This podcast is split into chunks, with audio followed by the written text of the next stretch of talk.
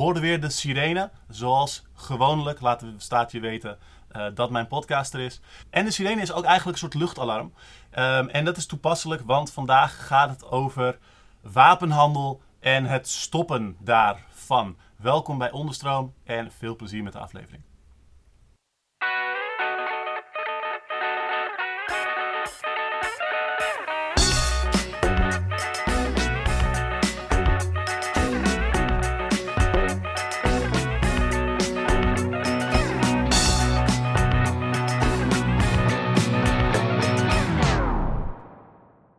Welkom, welkom bij een nieuwe aflevering van Onstroom. Ik ben hier met twee gasten, uh, Wendela en Mark van de groep Stop Wapenhandel. En we gaan het vandaag hebben over wapenhandel dus. En misschien ook hoe je, over hoe je die kan stoppen. Mark en Wendela, welkom. Leuk dat jullie er zijn. Hoe gaat het vandaag? Uh, ja, het gaat oké. Het, uh, het, zijn zware tijden voor mensen die met wapenhandel bezig zijn. Uh, ja. Uh, gezien de oorlog in Oekraïne vooral. Uh, maar we doen ons best. En Wendela? Ja, we zijn, we zijn verschrikkelijk uh, druk, want er gebeurt ontzettend veel. de wapenindustrie krijgt volledig vrij baan aan alle kanten.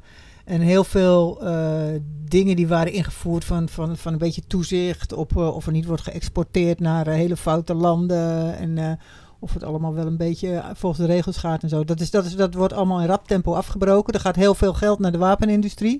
Er zit heel weinig democratische controle op. Democratie is allemaal blijkbaar niet meer zo belangrijk op het moment. Dus uh, ja, we hebben een beetje het gevoel van... Uh, ja, proberen te verdedigen wat er, wat er nog een beetje aan, aan, aan restricties is op wapenhandel. Daar zijn we heel erg druk mee. En te proberen te volgen wat er gebeurt. En het gaat ontzettend snel. Ja, ja. Ja, druk, drukke tijden. Um, gaan we het zo nog wel meer over hebben. En kunnen jullie even kort iets vertellen over Stop Wapenhandel? Wat is Stop Wapenhandel en wat doen jullie? Uh, ja, Stop Wapenhandel is een uh, onderzoeks- en campagneorganisatie. Uh, klein, we zijn met ons tweeën.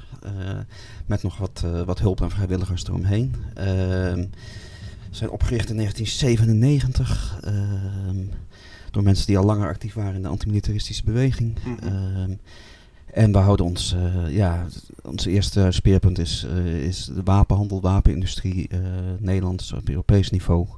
En de afgelopen jaren zijn we ons ook steeds meer bezig gaan houden met wat bredere vragen van militarisering, hoe wapenhandel zich verhoudt tot klimaatverandering, tot vluchtelingen, dat soort zaken. Ja, ja.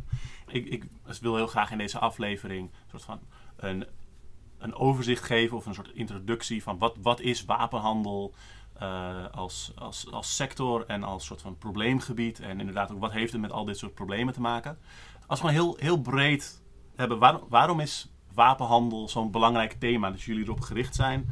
Hoeveel kwaad doet het nou eigenlijk? En is het anders dan andere bedrijfssectoren? Nou, wij houden ons bezig met, met wapenhandel. Uh, omdat we ons bezig willen houden met oorlog en vrede. En vooral met uh, ja, de eigen westerse verantwoordelijkheid daarin. Ik bedoel, dus je hebt, je hebt organisaties die houden zich bezig met, met oorlog in Sudan of de oorlog in Colombia. Mm -hmm. uh, wij, wij, wij, zien dat de westerse, westerse landen grote bijdrage leveren aan oorlog. En ja, dat vinden wij dan toch het eerste wat wij aan moeten pakken. En niet aan andere mensen vertellen hoe zij hun problemen moeten oplossen. Daarom zijn wij op dit onderwerp uh, bezig. En wapens zijn natuurlijk niet de oorzaak van oorlog, maar heel veel wapens dragen wel bij aan het risico dat uh, conflicten, conflicten zijn er natuurlijk altijd, maar dat die op een gewapende manier worden opgelost. Ja. En ja, wapenhandel zit, zit een beetje op het snijvlak van, van economische belangen, winst en, uh, en politieke belangen, macht. Dus ja, aan de, ene kant, aan de ene kant wordt er heel veel geld verdiend aan wapenhandel, aan de andere kant is het gewoon ook een belang van regeringen om wapens te verkopen aan bepaalde landen. Want dat geeft ze ook invloed. Als er wapens worden geleverd, moeten er ook uh, trainingen worden gegeven, reserveonderdelen worden geleverd. Dus er ontstaat een langdurige militaire afhankelijkheidsrelatie met de landen waar je wapens aan levert. En dat vinden westerse regeringen natuurlijk wel, wel aangenaam. Ja. Dus uh, als ik goed begrijp, zou je zeggen dat wapenhandel als sector ook bij uitstek een, een sector is die in die zin uh, een soort afhankelijkheid creëert en daarmee um, ook dus een, een, machtsrelatie als, zeg maar, van, van de, de landen waar geleverd wordt vanuit de leverancier. Ja, nou ja, wapens zijn natuurlijk geen dingen die, vrij, die verder vrij verhandeld worden. Er is... eh, eh, er- er zijn zeker, in ieder geval voor westerse wapenhandel, eh, moet daar eh, een vergunning voor gegeven worden door de staat. Eh, Mhm. Aan de andere kant stimuleert de staat ook eh, wapenexporten. En ziet het ook als een, eh, als een instrument van buitenlands eh, beleid. Dus in die zin is het erg eh, verknocht. Oké. En dus, er zijn natuurlijk inderdaad gewoon talloze eh, oorlogen gaan eh, op allerlei, allerlei momenten waar dit, waar dit altijd een, een rol speelt. Ehm, en dat, dat is ook een reden waarom, eh, waarom ik dacht, laten, laten we daar eh, in onderstroom een, een aflevering over doen.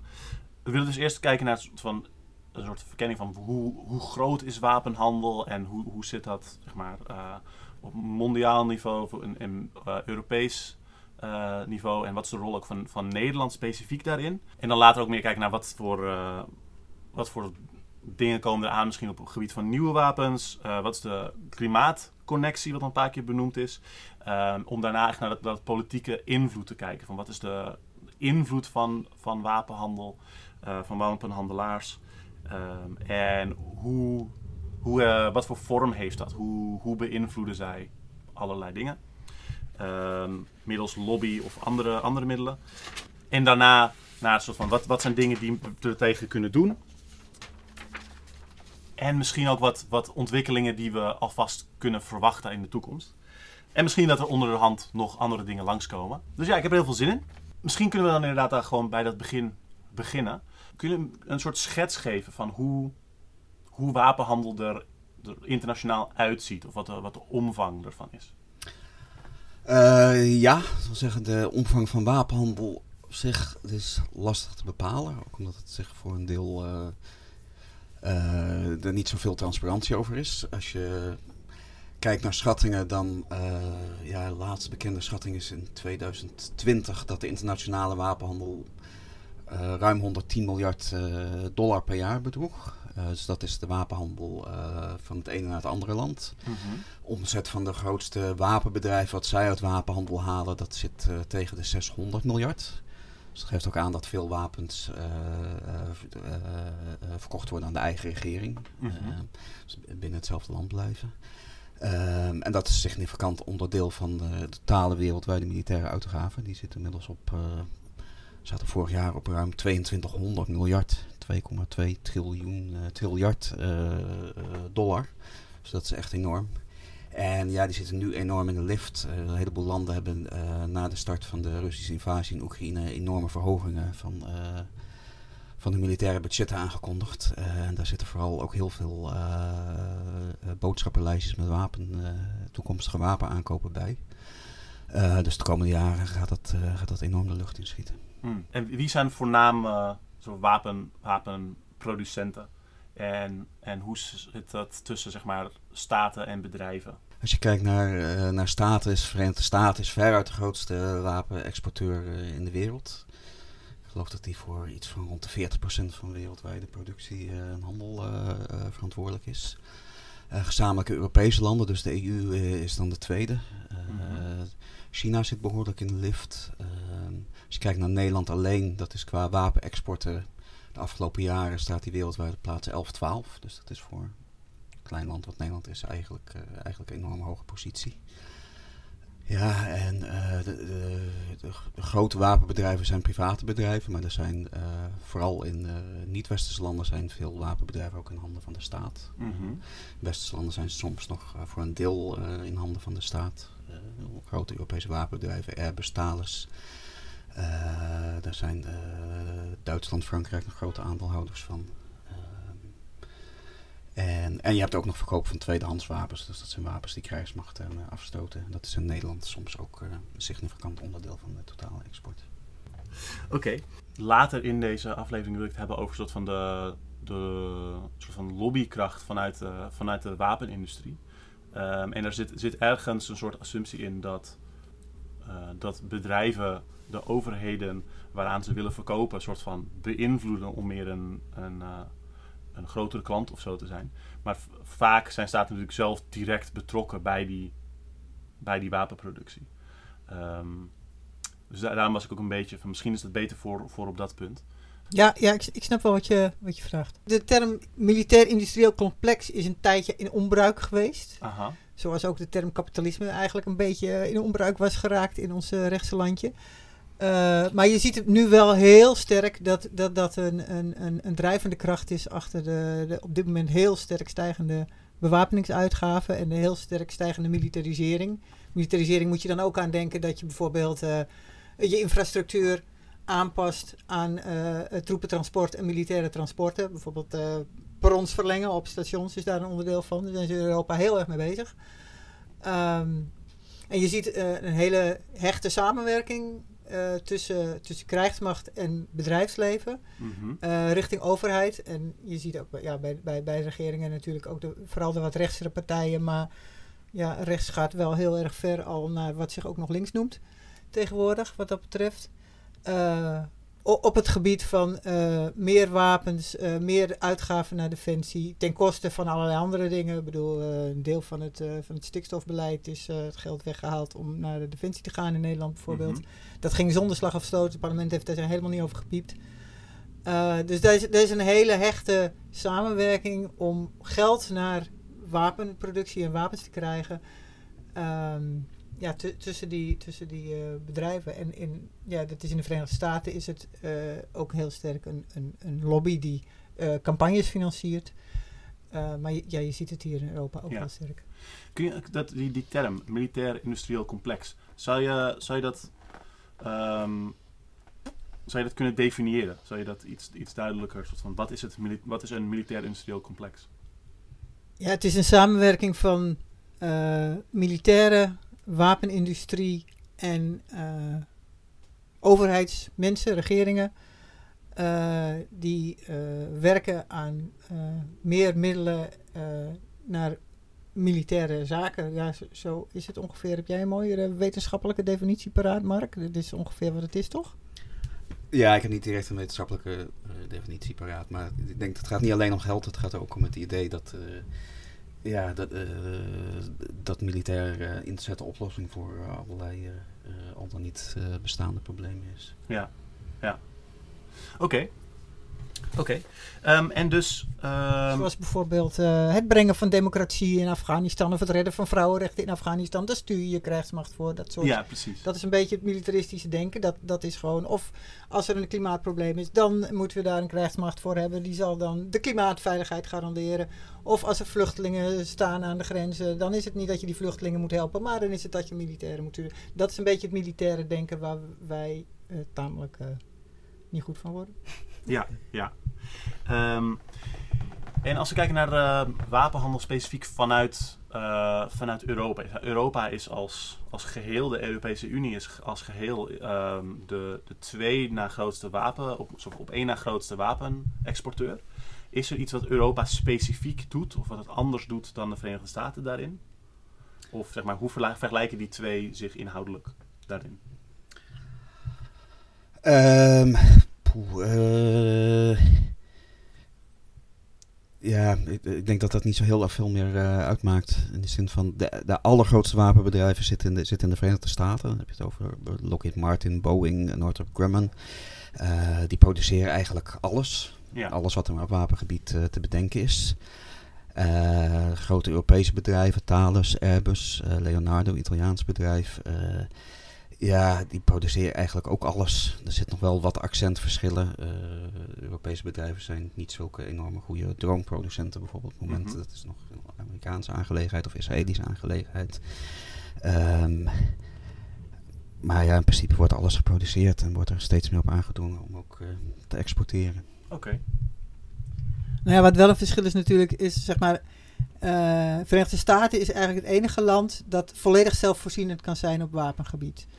Omdat wapenproductie, ik bedoel, stra straaljagers, gevechtsvliegtuigen zijn zo waanzinnig duur om te maken. Dat kan je eigenlijk als land alleen maar een beetje terugverdienen als je een gigantische afnemer hebt. Nou, Pentagon is een gigantische afnemer.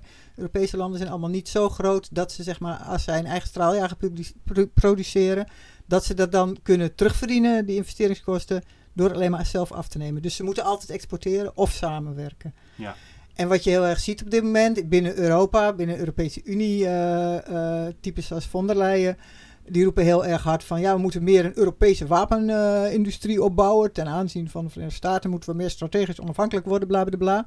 Ik weet niet waarom zij dat bepaalt. Volgens mij is zij geen gekozen vertegenwoordiger, maar gewoon een ambtenaar. Maar goed, zij pusht dat beleid heel erg. Dus er wordt, er wordt nu heel veel steun gegeven aan het opbouwen van een Europese wapenindustrie. die onafhankelijk kan opereren van de Verenigde Staten. Uh, dat, dat werkt al jaren voor geen meter. In de praktijk blijkt ook heel vaak dat Europese regeringen dan toch Amerikaanse wapens kopen. Want die zijn, die zijn veel cooler en sneller en gelikter en die hebben een hele goede lobby. En uh, uh, zijn vaak ook technisch geavanceerder, omdat er in de Verenigde Staten zo gigantisch veel geld naar die wapens gaat en die wapenontwikkeling. Dat daar gewoon zoveel technische snufjes aan zitten, dat de piloten ze niet eens meer kunnen bedienen. Ik bedoel, de piloten van de F-35 die klagen dat het zo ingewikkeld is om dat vliegtuig te bedienen, dat ze het zeg maar in hun hoofd niet meer bij kunnen benen. Maar ja, het zit er wel allemaal op en aan. Dus uh, hartstikke leuk natuurlijk. En dat wil de luchtmacht dan hebben. En dan heb je het duurste wapensysteem ooit. En dat wordt nu uh, ja, de afgelopen jaar zijn er een heleboel extra besteld in Europa. Daar gaat gigantisch veel geld naartoe. En ja, wat je eraan hebt qua veiligheid, ik weet niet, ik voel me niet veiliger. Ja, ja. Oké, duidelijk. Een soort van kleine soort van nuanceverschillen, maar vooral ook in de, de rol die de, de, de, omvang van die industrie en wat dat uitmaakt voor de politieke, maar ook de soort van marktstatus van zo'n van zo'n industrie. En, en Nederland. Nederland ook een hele hoge plaats eigenlijk, gezien hoe groot Nederland is in, de, in hoeveel er geëxporteerd wordt. Wat, hoe, hoe zouden jullie de Nederlandse wapenindustrie en wapenhandel beschrijven? Ja, ik denk dat het voor veel mensen eigenlijk verrassend is dat Nederland zo hoog op die lijst staat. Omdat je met Nederland niet snel het idee hebt van uh, gewoon een grote wapenproducent. En dat komt denk ik vooral omdat de Nederlandse productie heel erg gericht is op onderdelen, elektronica, uh, radarsystemen. Uh, dat soort dingen. Eigenlijk zijn militaire schepen het, het, enige echte grote wapensysteem wat, wat uit Nederland komt. Dat, de Werf Damen is een hele grote producent, ook internationaal, van, van militaire schepen. En voor de rest zijn het veel, zijn het veel onderdelen vooral. Dus die worden dan geëxporteerd naar andere landen en daar weer in grotere wapensystemen ingebouwd. Ah ja. En, en ook vooral soort van zo'n zo ondersteunende systemen die uh, misschien soort van in eerste instantie minder, minder aanvallend overkomen of zo. Minder echt de, de wapens zelf. Het eerste waar je aan denkt bij wapens, niet per se dat. Behalve die schepen, meer, vaak meer ondersteunende systemen. Begrijp ik dat goed? Ja, ja het gaat niet om uh, pistolen of tanks, maar het gaat om, uh, gaat om radarsystemen of commandosystemen, uh, communicatiesystemen. Ehm, eh, dat soort dingen. Eh, ook eh, de dual-use dingen, dus dingen die zoveel militair als civiel bruikbaar zijn. Mm Maar ja, die, die, die high-tech die wij dan in Nederland maken, die is natuurlijk wel vaak uh, veel doorslaggevender uh, dan zeg maar de, de, de huls van een raket, zeg maar, is, is, is minder uh, doorslaggevend voor de macht van het wapen dan de elektronica die erachter zit en de aansturingssystemen die erachter zitten en de commandosystemen. Dus zeg maar voor voor, het, het, het, ja, voor het uitoefenen van, van macht door landen over andere landen, is wat wij maken eigenlijk wel heel erg relevant.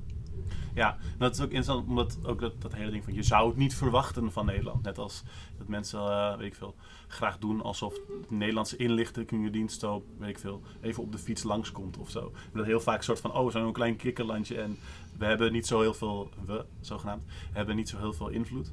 Uh, dat er best wel wat terreinen zijn waarop Nederland eigenlijk best wel een, een harde of een best wel sterke invloed kan hebben en een soort macht uitdraagt. Um, en misschien dat ook, ik weet, ik weet niet of dat, of dat een, een bewuste keuze is of dat het juist gewoon uh, optisch gewoon toevallig goed uitkomt.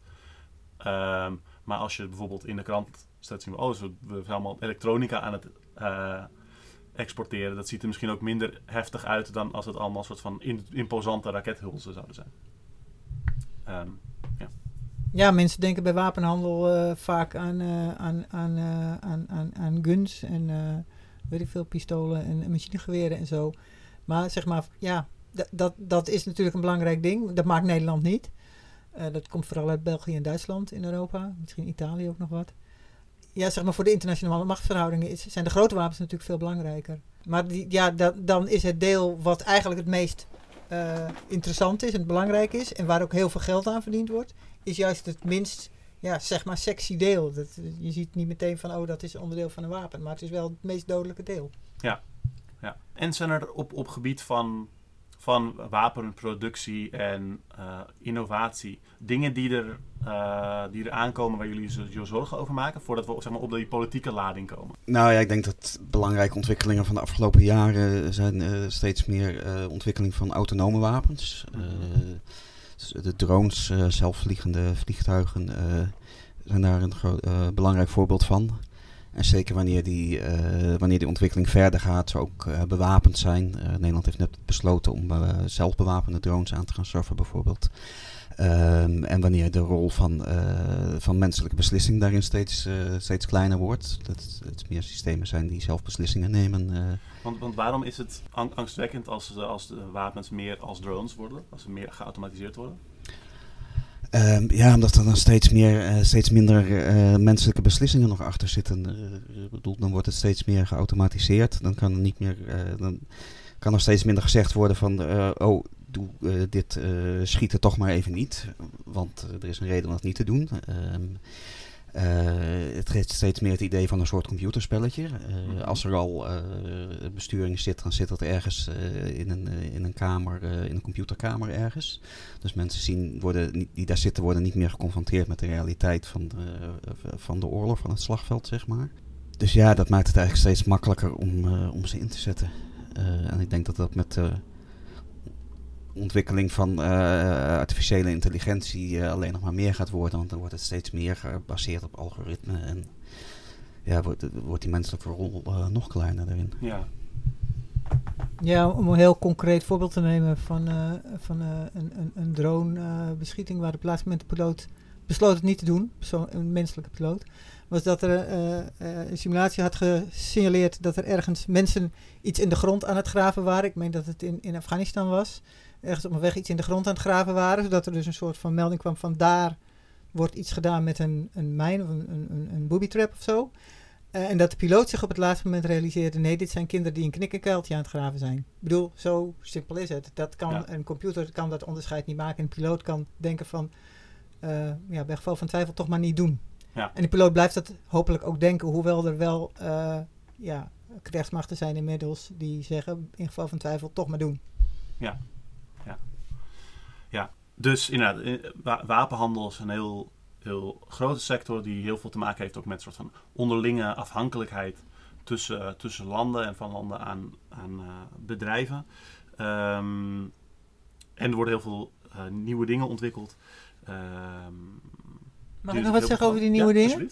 Want wat je heel veel ziet nou bij, bij sommige grote NGO's, die zijn dan bezig over die nieuwe wapens, om er allemaal juridische regels omheen te willen zetten, zeg maar.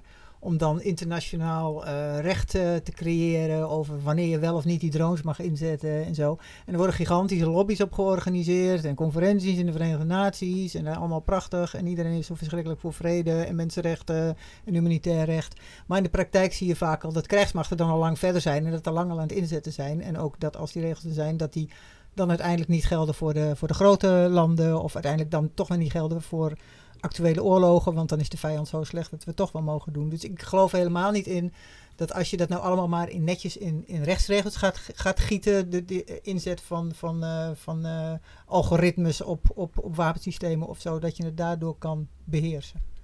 Oké, ja. Ja, precies.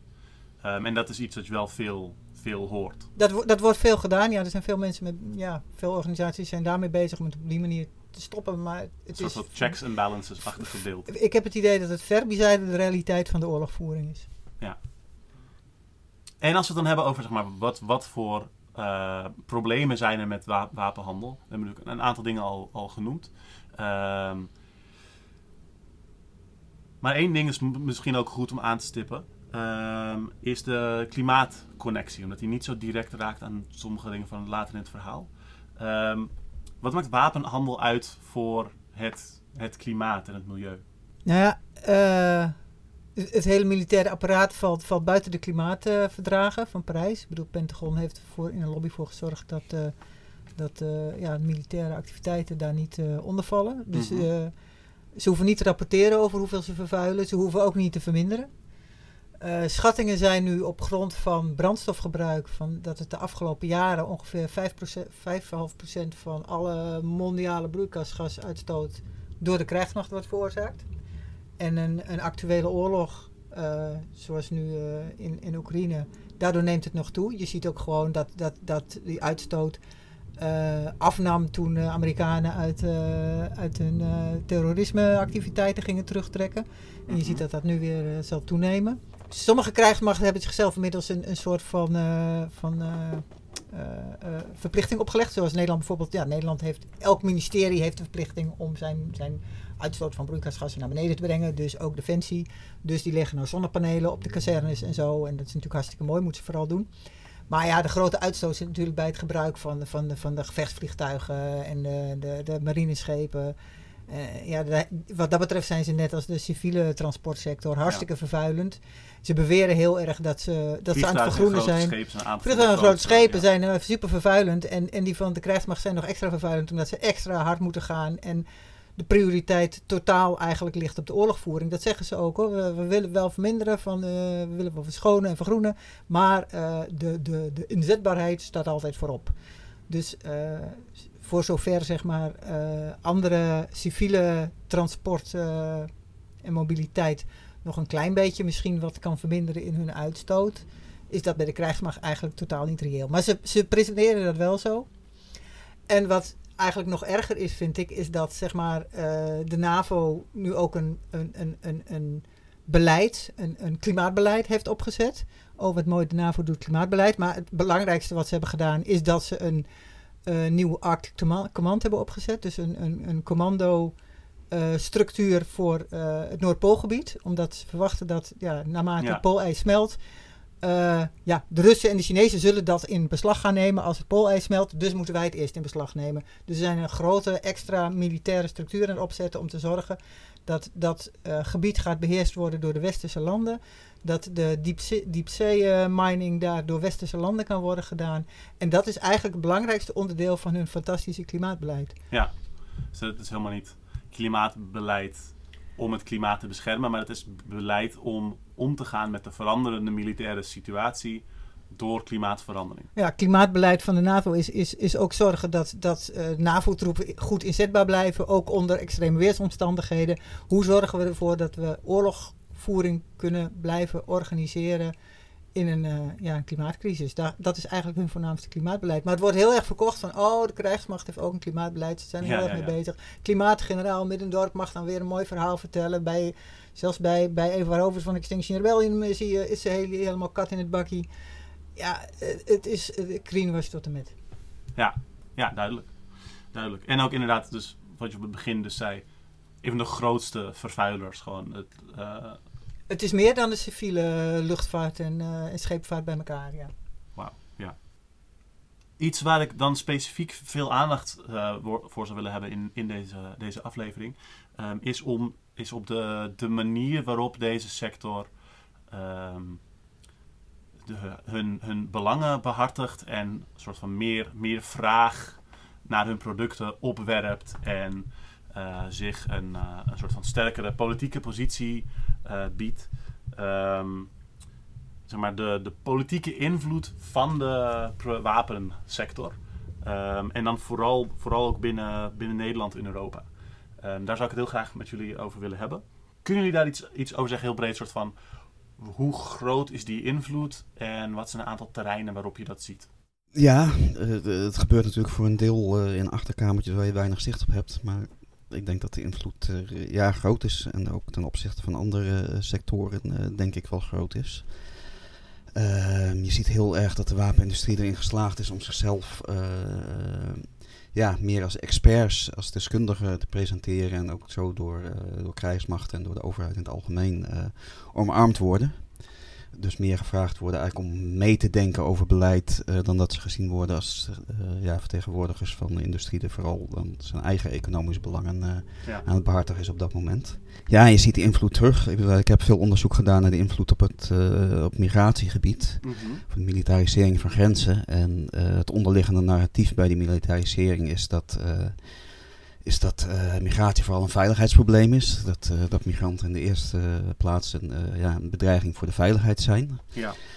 maar dat is iets wat heel erg door de wapenindustrie gepusht is. Dat zie je terug in adviesrapporten die vaak al jaren geleden geschreven hebben. ja. Bijeenkomsten met, met bijvoorbeeld met de Europese Commissie hebben ze een tijd veel gehad. waar ze heel erg dat narratief gepusht hebben. En uh, ja, je zag dat steeds meer terugkomen in het beleid. Uh, vooral sinds 2015, zogenaamde vluchtelingencrisis. Toen is die militarisering helemaal doorgeslagen. En sindsdien is die alleen nog maar aan het escaleren. Ja. Um, en je ziet dat uh, adviezen van de wapenindustrie soms echt letterlijk overgenomen worden. Ik bedoel, ja. de, de, uitbreiding van Frontex, een enorme uitbreiding van budget en mandaat gehad de afgelopen jaren. En dat is, deels komt dat overeen met een advies wat de wapenindustrie al 15 jaar geleden gegeven heeft. Ja. Uh, en ook op, meer op wapenhandelgebied zelf zie je dat. Uh, er, is een, uh, er is sinds een paar jaar een Europees Defensiefonds. Dat mm -hmm. heeft miljarden beschikbaar vanuit de EU voor het financieren van onderzoeken, militair onderzoek en ontwikkeling van nieuwe wapens. Dat gaat mm -hmm. allemaal naar de wapenindustrie. Ja. dat hele fonds is gebaseerd op een adviesrapport van een door de Europese Commissie ingesteld adviesorgaan. Dat gedomineerd werd door vertegenwoordigers van de wapenindustrie. Ja, ook in Nederland zie je dat, uh, dat, uh, dat overheid en industrie steeds dichter naar elkaar uh, ja. toekruipen. Ehm, de laatste defensienota die gepresenteerd was toen dit kabinet er net zat. daar staat openlijk in dat, dat 50 wapenbedrijven advies gevraagd zijn daarvoor. ja. ja. ja. Um, ik, ik, ik, kan nu niet direct de, de vergelijking met andere sectoren geven. Maar het, het is gewoon als als je dat zo hoort, hoezeer de, de, de aanbieder van een bepaald product uh, wordt, wordt ingeschakeld als de ex een overheid gaat vertellen wat er op, qua wapens dan nodig is. Dat is natuurlijk heel raar. Zeg maar, het is, het is niet, het is niet uh, de Hornbach wat je denkt van hé, hey, wat voor soort boor heb ik nodig? En dan vraag je het een medewerker. Ik bedoel, dat, dat, daar, daar zit wel wat in, maar je kunt, je het nu niet.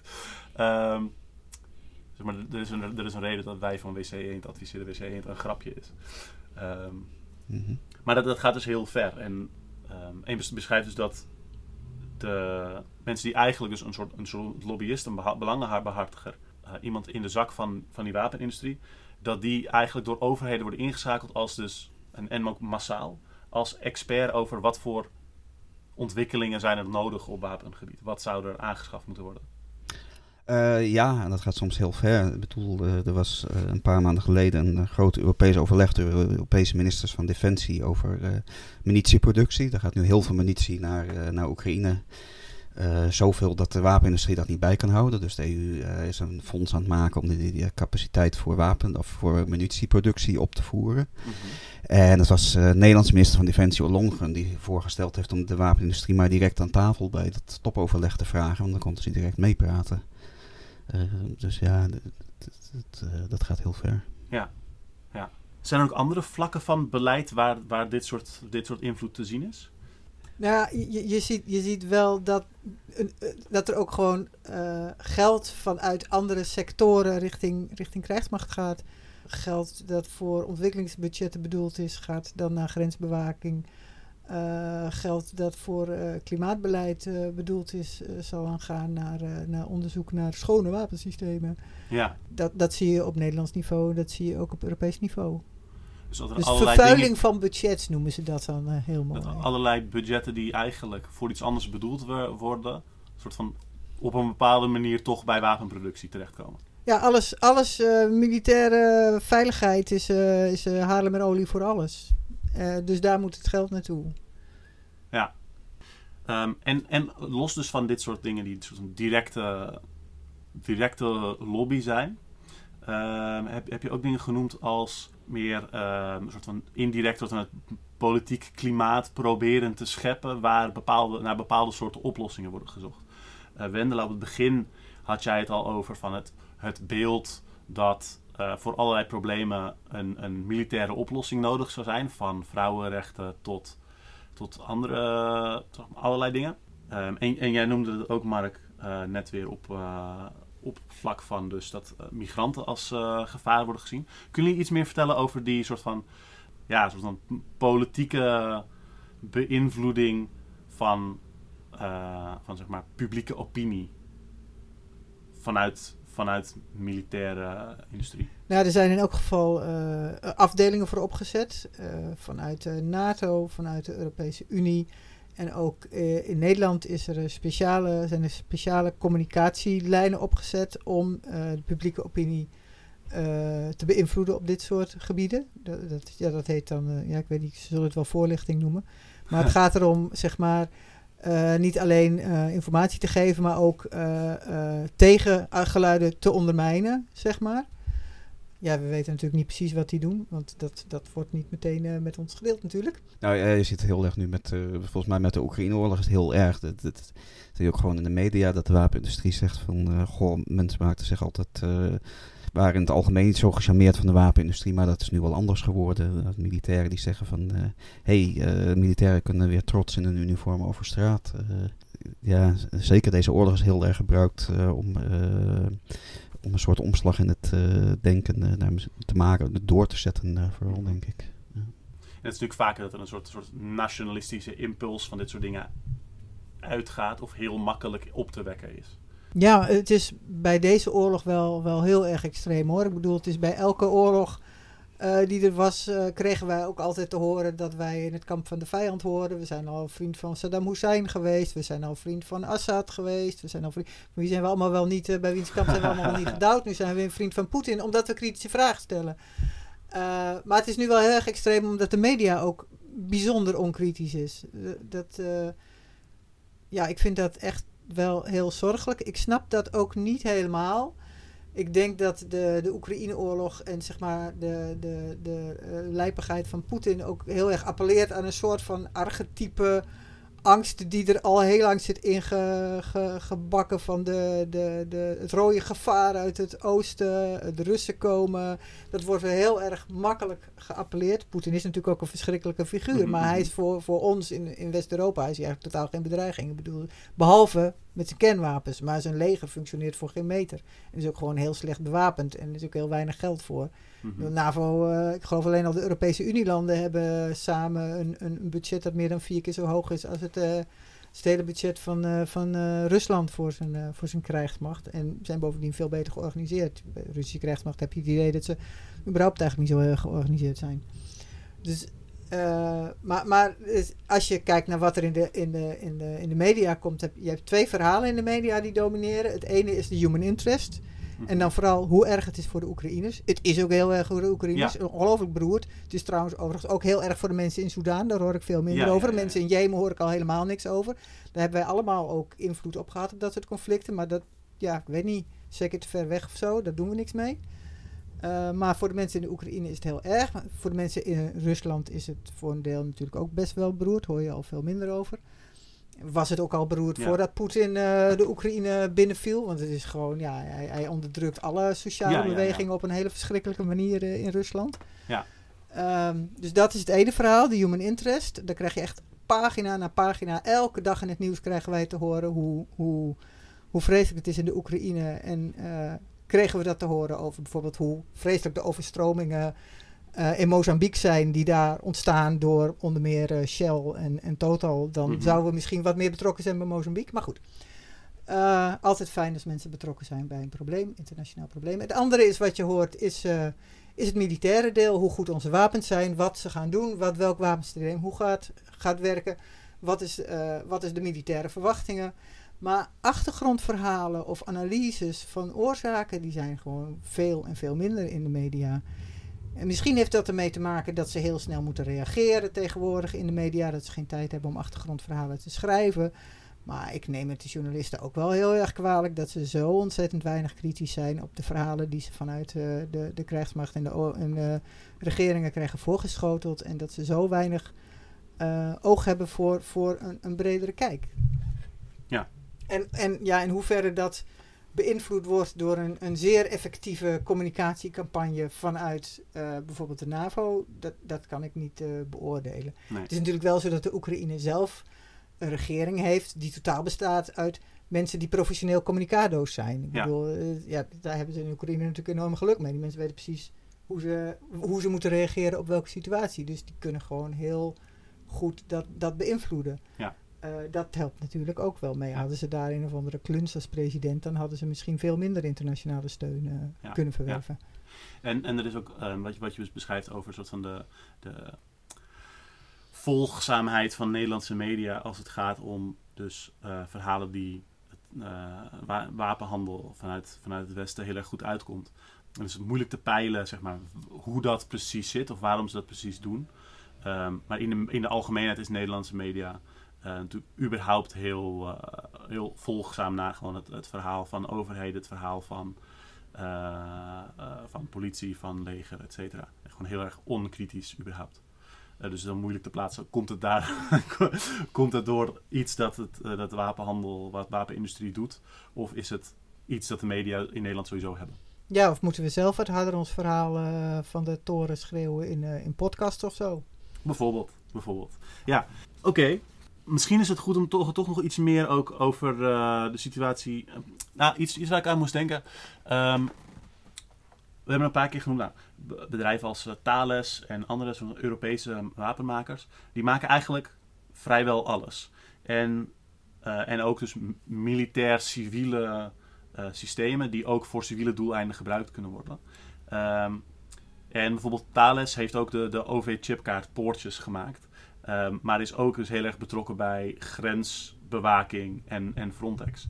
Ehm, kunnen jullie daar iets, iets, meer, iets meer over vertellen?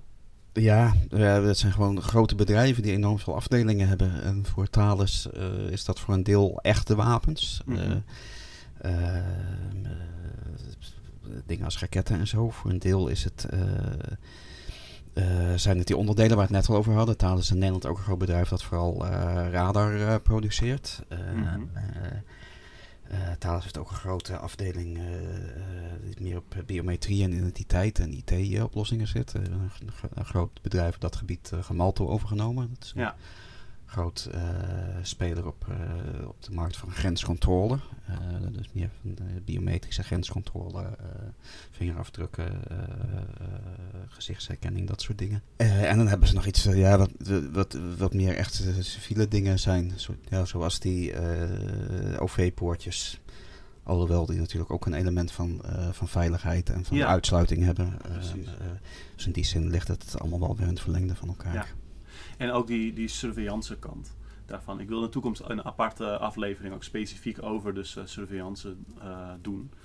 Eh, maar ik heb het gevoel dat dat ook misschien meer dan vroeger ook in het militaire is gekomen. Is dat zo? Ja, dat is zeker zo. Dat is, eh, ik denk dat de grens tussen wat, eh, ja, wat militair is en wat, eh, wat beveiliging, security is, die is heel erg vervaagd. Eh, dat is vooral ja, sinds 2001 eh, de, de, de aanslagen in Amerika. heeft de wapenmarkt zich ook omdat hij met wat dalende militaire budgetten sinds het einde van de Koude Oorlog te maken had, op, op- was op zoek naar nieuwe markten. Dus heeft toen heel erg op de security markt gestort. Ja. Ehm, Homeland Security, Border Security. eh, en dat is steeds meer in elkaar gaan overlopen. En in de praktijk leidt dat dan ook tot de militarisering van dingen die eerder meer ja, civiele security waren. Ehm, in, in onze aflevering over eh, eh, counterinsurgency ehm, beschrijven we ook die soort van ja, hermilitarisering van politie eigenlijk. Omdat politie als systeem natuurlijk uit- voortkomt eigenlijk uit een militair onderdeel. Mhm. En dat toen eigenlijk een hele tijd in de 20e eeuw uit elkaar gegroeid was. En nu eigenlijk weer in sommige opzichten weer naar elkaar toe eh, groeit. Ehm, en misschien dat hier een, een parallel in te zien is. Oké, dus, dus heel veel over zeg maar, het, soort, het soort invloed dat wapenhandel eh, heeft. Misschien kunnen we kijken naar de, naar de toekomst dan. Zijn er, zijn er ontwikkelingen op het gebied van, eh, van wapenhandel of de, de, de toezicht of de regelgeving rondom wapenhandel ehm, waar jullie een soort van eh, alvast naar uitkijken of die, die we kunnen verwachten? Ehm, ja, de wapenhandel zit nu heel erg in de lift. De wapenindustrie heeft eigenlijk eh, niet alleen met die stijgende budgetten, maar ook in allerlei eh lange lopende discussies heel erg de wind mee. Eh, bijvoorbeeld eh, op Europees niveau wordt nu gediscussieerd over wat heet de sociale taxonomie.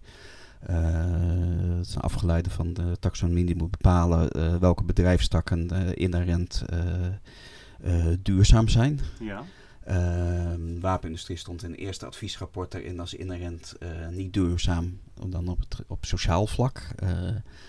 Eh, nou vanwege de gevolgen van wapengebruik. Uh, de wapenindustrie heeft heel erg zitten lobbyen. Weer vooral sinds het begin van de Oekraïne-oorlog. Van uh, ja, maar veiligheid en wapens zijn nodig voor veiligheid. En zelfs duurzaamheid heeft geen betekenis als er niet eerst veiligheid is.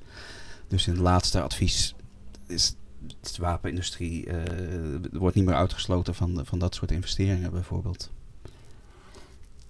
Dus dat de, de status van de, van, van de bedrijfstak wordt, wordt aangepast zodat het meegenomen kan worden, zodat, het, zodat een investering in wapens toch geteld kan worden als bijvoorbeeld eh, iets onder een soort positiever label, zoals bijvoorbeeld een duurzame investering of een sociaal verantwoorde investering.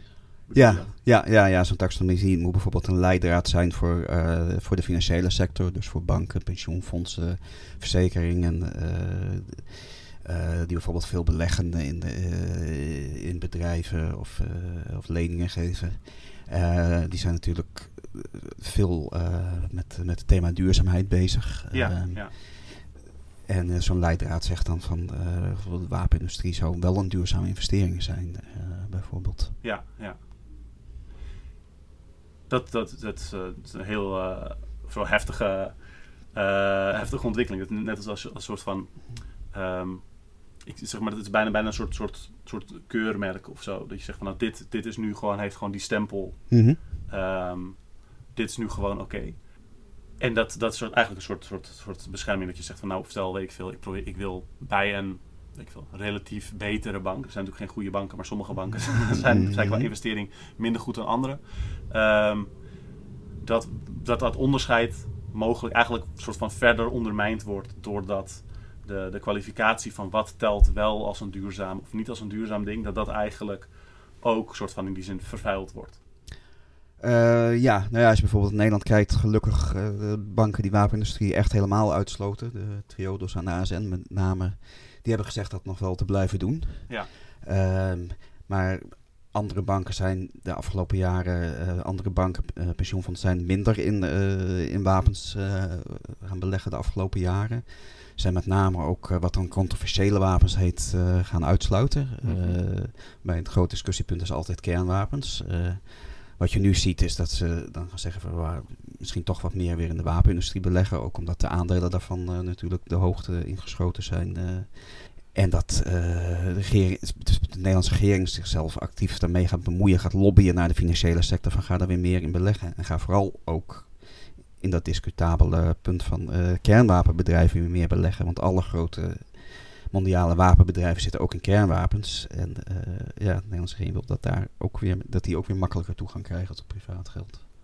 Dus dat, uh, dat dan eigenlijk de, de, de regering bij al dit soort instanties rondom financiën gaat, gaat lobbyen om te zorgen dat er eigenlijk meer geld bij de wapenindustrie terechtkomt. Dus eerder hebben we het gehad over soort van hoe gaat de wapenindustrie lobbyen om dingen bij zich te krijgen. Nu gaat de, mm. dus hoe de overheid die lobbyt eigenlijk ook, die doet ook allerlei, die, die oefent ook druk uit om meer geld bij die wapenindustrie terecht te krijgen. Uh, ja, ja, op dit punt hebben ze dat echt gezegd dat ze actief de financiële sector benaderen om, uh, om uh, meer investeringen in de wapenindustrie te krijgen. En dat is helemaal zien als je bedenkt van de afgelopen jaren is er bijvoorbeeld in de Tweede Kamer een aantal keer uh, aan de orde gesteld van zou de overheid niet een actievere rol moeten hebben om te zorgen dat de financiële sector kernwapenbedrijven uit gaat sluiten. Mm -hmm. Toen heeft de regering altijd gezegd van nee, dat moet de sector zelf weten, daar gaan wij ons niet mee bemoeien. Ja. Uh, maar nu hebben ze een, uh, ja, nu kiezen ze wel voor een actieve insteek. Ja, ja. Dus dat, zeg maar, tegen wordt er niet bemoeid, maar, maar nu voor, dan kunnen er opeens allemaal dingen. Ja. ja. Nou, wat, je, wat je ook ziet is dat uh, Nederland uh, binnen Europa volgt een, een aantal uh, richtlijnen voor wapenexport. Er is heel veel voor gelobbyd vanuit, vanuit vredesgroepen. om een soort van, van, van, van, van ja, in elk geval enige, enige beperking op de wapenexport te hebben. Dat je niet levert aan aan landen die die wapens inzetten bij mensenrechten schendingen. Dat je niet levert aan landen die in oorlog zijn. Uh, dat je niet levert aan landen die uh, niet eens hun, uh, hun basisonderwijs kunnen, kunnen leveren aan hun bevolking. zeg maar, daar zijn, daar zijn richtlijnen voor ontwikkeld. Die richtlijnen zijn ja, tamelijk vrijblijvend. Ik bedoel, het zijn wel officiële richtlijnen, zijn officieel Mhm. eh, eh, eh, als, als, als regel ge- eh, in, in, in, in het beleid opgenomen in alle Europese landen. Maar ze zijn wel dermate ruim opgesteld dat eigenlijk wel een beetje op neerkomt van. Als het heel veel geld oplevert, dan mag het eigenlijk altijd. Of als het eh, Ja. eh, eh, strategisch heel veel voordeel oplevert, dan is er altijd wel een manier te vinden waarop het toch binnen die richtlijnen past. Is, Maar- zijn, die, zijn die in Nederland strenger dan elders?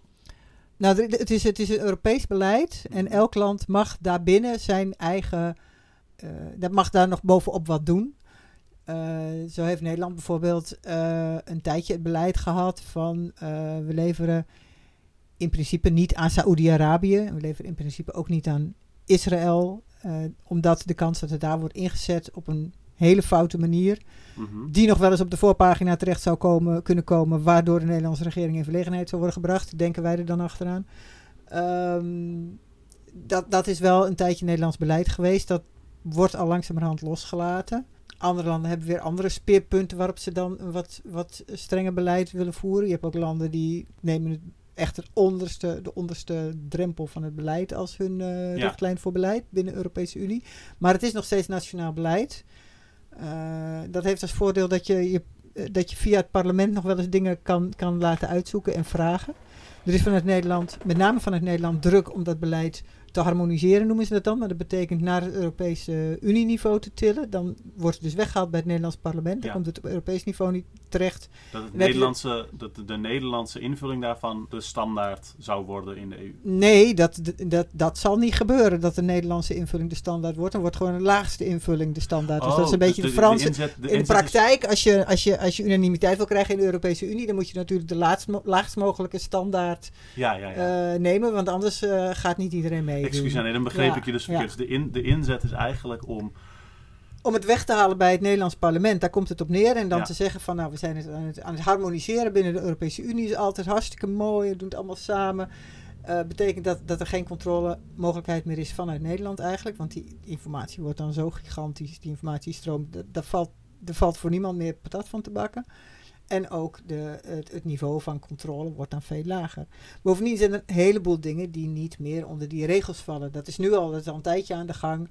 Dat bijvoorbeeld eh, leveranties tussen Europese bedrijven hoeven niet meer gecontroleerd te worden. Dat gaat gewoon altijd goed. En bepaalde wapensystemen eh, worden niet meer gecontroleerd. Er is nu een systeem dat in elk geval elke leverantie heeft een vergunning nodig. Zeg maar. Wapenleveranties hebben een vergunning nodig. En wij hebben inzicht in die vergunningen. Die, zijn, die Ja. worden gepubliceerd. Dus niet dat, dat een, een, een leek of een kamermedewerker snapt wat hij leest. Maar goed, mensen zoals wij die dan die systemen kennen en die afkortingen kennen, kunnen dan vaak wel traceren wat voor soort leverantie het is. En weten Ja. welk land het gaat en wat ermee gedaan zou kunnen worden.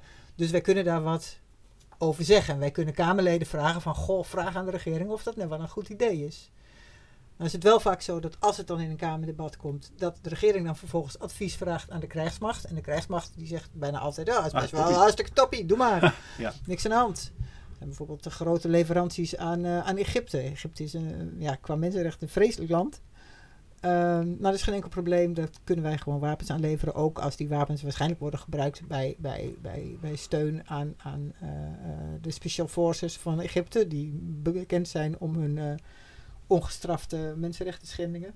Dat, dat kan allemaal. Want dat, dat, ja, Egypte, Egypte heeft namelijk heel mooi. Egypte heeft een, een, een brief geschreven aan de Nederlandse regering dat zij hun wapens, hun Nederlandse wapens niet zullen inzetten bij mensenrechten schendingen.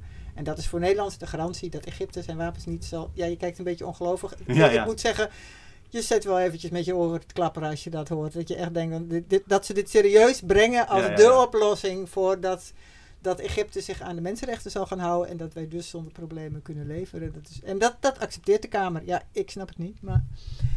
eh, maar je, je ziet dat die, die regels, die regelgeving eh, op dit moment heel duidelijk aan het afkalven is op allerlei eh, terreinen. Ehm, en heeft dat dan ook bijvoorbeeld eh, effect op... ehm, bijvoorbeeld van die Nederlandse... Nederland maakt veel, veel systemen die eigenlijk een, een onderdeel kunnen zijn van allerlei soorten wapens. Heeft dat daar dan ook invloed op?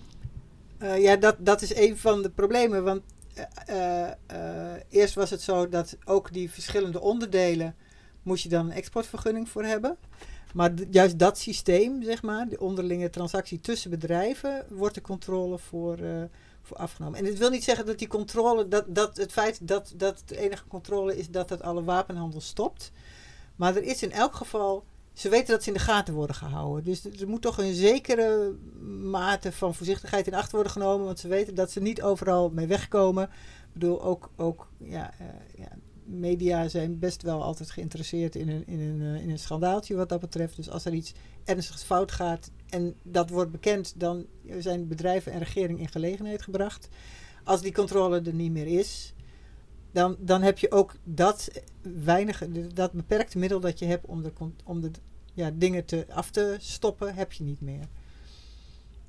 En is, is er een, waar, waar komt die versoepeling dan vandaan? Wie zijn er dan mee bezig? Nou, een belangrijk argument daarvoor is dat de Europese wapenindustrie moet worden geholpen om, om een onafhankelijke Europese defensiesector te kunnen ontwikkelen. Ja. En dat, ja, dat komt dus vanuit de Europese Unie, maar ook in Nederland zijn heel veel eh, partijen daar een erg grote voorstander van. Wat voor dingen kunnen we hieraan doen? Dus, dus, dus, er dus wel heel veel, eh, heel veel problemen zijn opgenoemd. Heel veel van grote, grote invloed van, eh, van, van kapitalisten die eh, met verschrikkelijke wapens aan de gang gaan. En heel erg hun best doen om allerlei geld daarin te, te, te zuigen. Om dat gebruik te zien. Om die middelen ook soort van als een oplossing voor allerlei dingen te zien waar, waar dus ook geweld uit kan volgen. Ehm,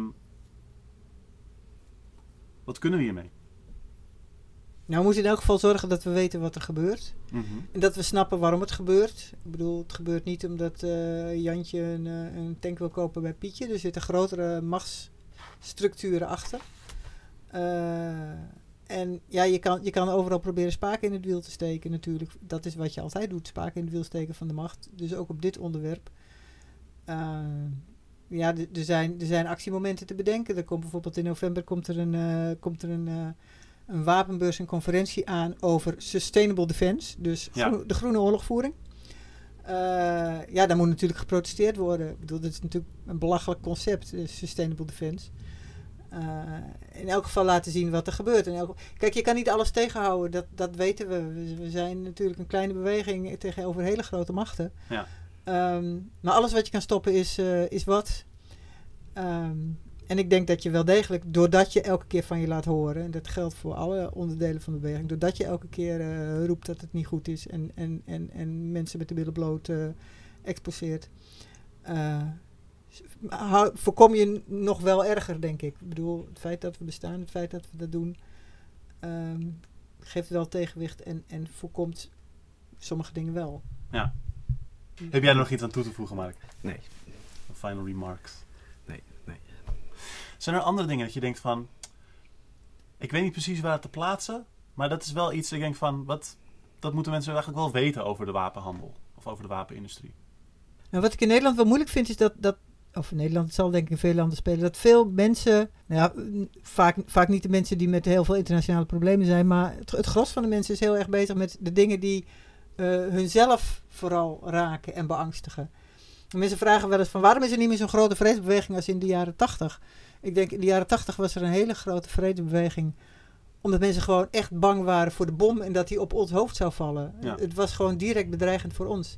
En je ziet nu ook de klimaatbeweging, de prachtige klimaatbeweging, is er omdat mensen echt bang zijn. Het is nu direct bedreigend voor ons. Ja. Alles wat, wat, ja, zeg maar, meestal zijn mensen bezig met de dingen die hunzelf betreffen. Heel veel politieke partijen zijn vooral gericht op eh, eh, ja, onderwijs, zorg, de problemen die mensen in, in Nederland direct treffen. En het internationale beleid is eigenlijk minder interessant om je mee bezig te houden als politieke partijen. Dus er is heel weinig ingang en toegang tot het parlement. Omdat, ja, die, die interesseert zich gewoon niet. Mensen kiezen uiteindelijk, namelijk hun kiezers stemmen uiteindelijk toch vaak eh, voor datgene wat hun, direct, hun, hun directe belang bedreigt. Eh, dus ja, het komt, komt nu heel erg aan op internationale solidariteit. En ook zien dat dit hele militaire systeem uiteindelijk ons ook gaat raken. Want eerlijk gezegd, eh, ja, wij zijn eigenlijk wel redelijk somber als we kijken naar welke kant het uitgaat. Nou, ik ben bang dat heel veel mensen redelijk somber zijn over waar, welke kant het uitgaat. Europa wordt Ja. steeds rechtser, Mhm. Europa wordt steeds militaristischer. Er is, er is beweging, maar er komt ook steeds meer repressie op de beweging.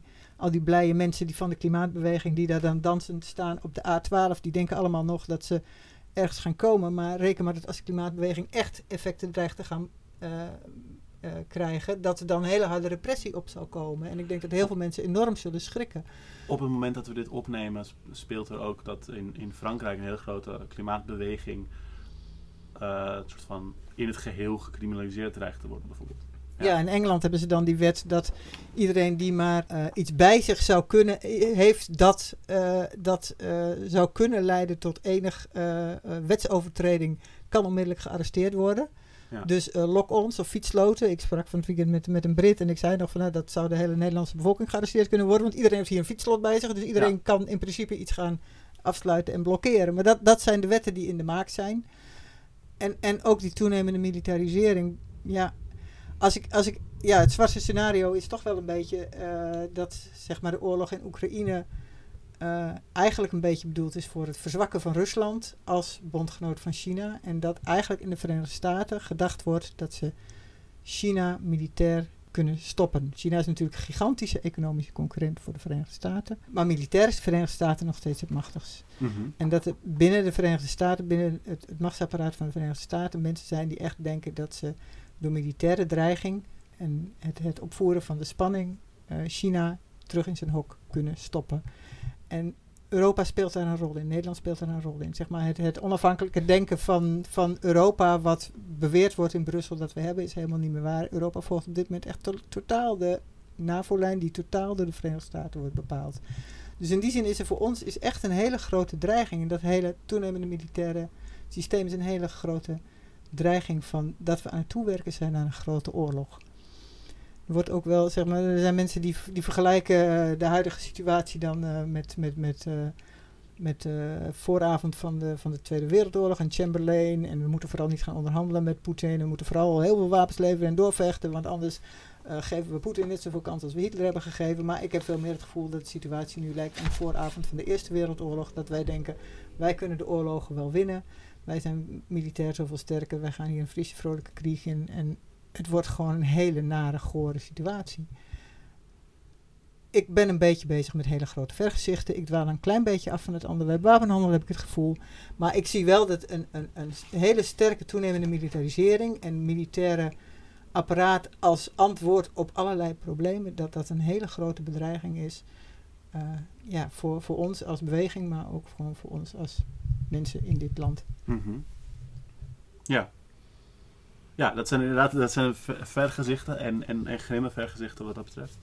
Ehm, maar maar heel, heel interessant en heel goede stof om over na te denken. Ehm, en er zitten ook heel veel dingen in die veel van ons denk ik wel zullen herkennen. Al is het maar in de soort van generatie D defensie eh, reclame die, eh, die in het OV heel veel nu te zien is. Ehm, maar ook in dit soort op, opkomst van eh, eh, repressieve wetgeving, ehm, verrechting überhaupt en een soort van een soort eh, opkomende soort van nationalisme, et cetera. Ehm, Ja, en ik zie toch best wel heel veel mensen daar heel onkritisch in zijn. Ik zie zoveel mensen met, met, met nou ja, er lopen heel veel Oekraïnse vlaggen bijvoorbeeld rond in vredesdemonstraties. En Mark zei op een gegeven moment als doorgewinterde anarchist, ik wil helemaal geen nationale vlaggen zien, want nationalisme is een van de basissen van de oorlog. En ik dacht, hij hebben we gelijk. Dus sindsdien proberen wij te zorgen dat er geen nationalistische vlaggen bij onze vredesdemonstraties zijn. Maar het is heel moeilijk om aan mensen uit te leggen. Het hele idee dat, dat, dat oorlog een ideologie heeft die, die, die, die ons ingepompt wordt, is, is eigenlijk. Eh, ja, het is, bij mensen een beetje weggezakt. We moeten dat veel meer weer, eh, weer naar boven halen. Want je ziet gewoon dat die ideologie er op dit moment zo wordt ingepompt. En door zoveel mensen heel gemakkelijk wordt, wordt, wordt opgepikt omdat ze zich terecht zorgen maken over de mensen in Oekraïne, nemen ze een heleboel van het militaire denken heel gemakkelijk over. Mhm. Nou, dankjewel. Dankjewel. Eh ja, nou, poeh. dat, is, dat is even een, een, een zware aflevering.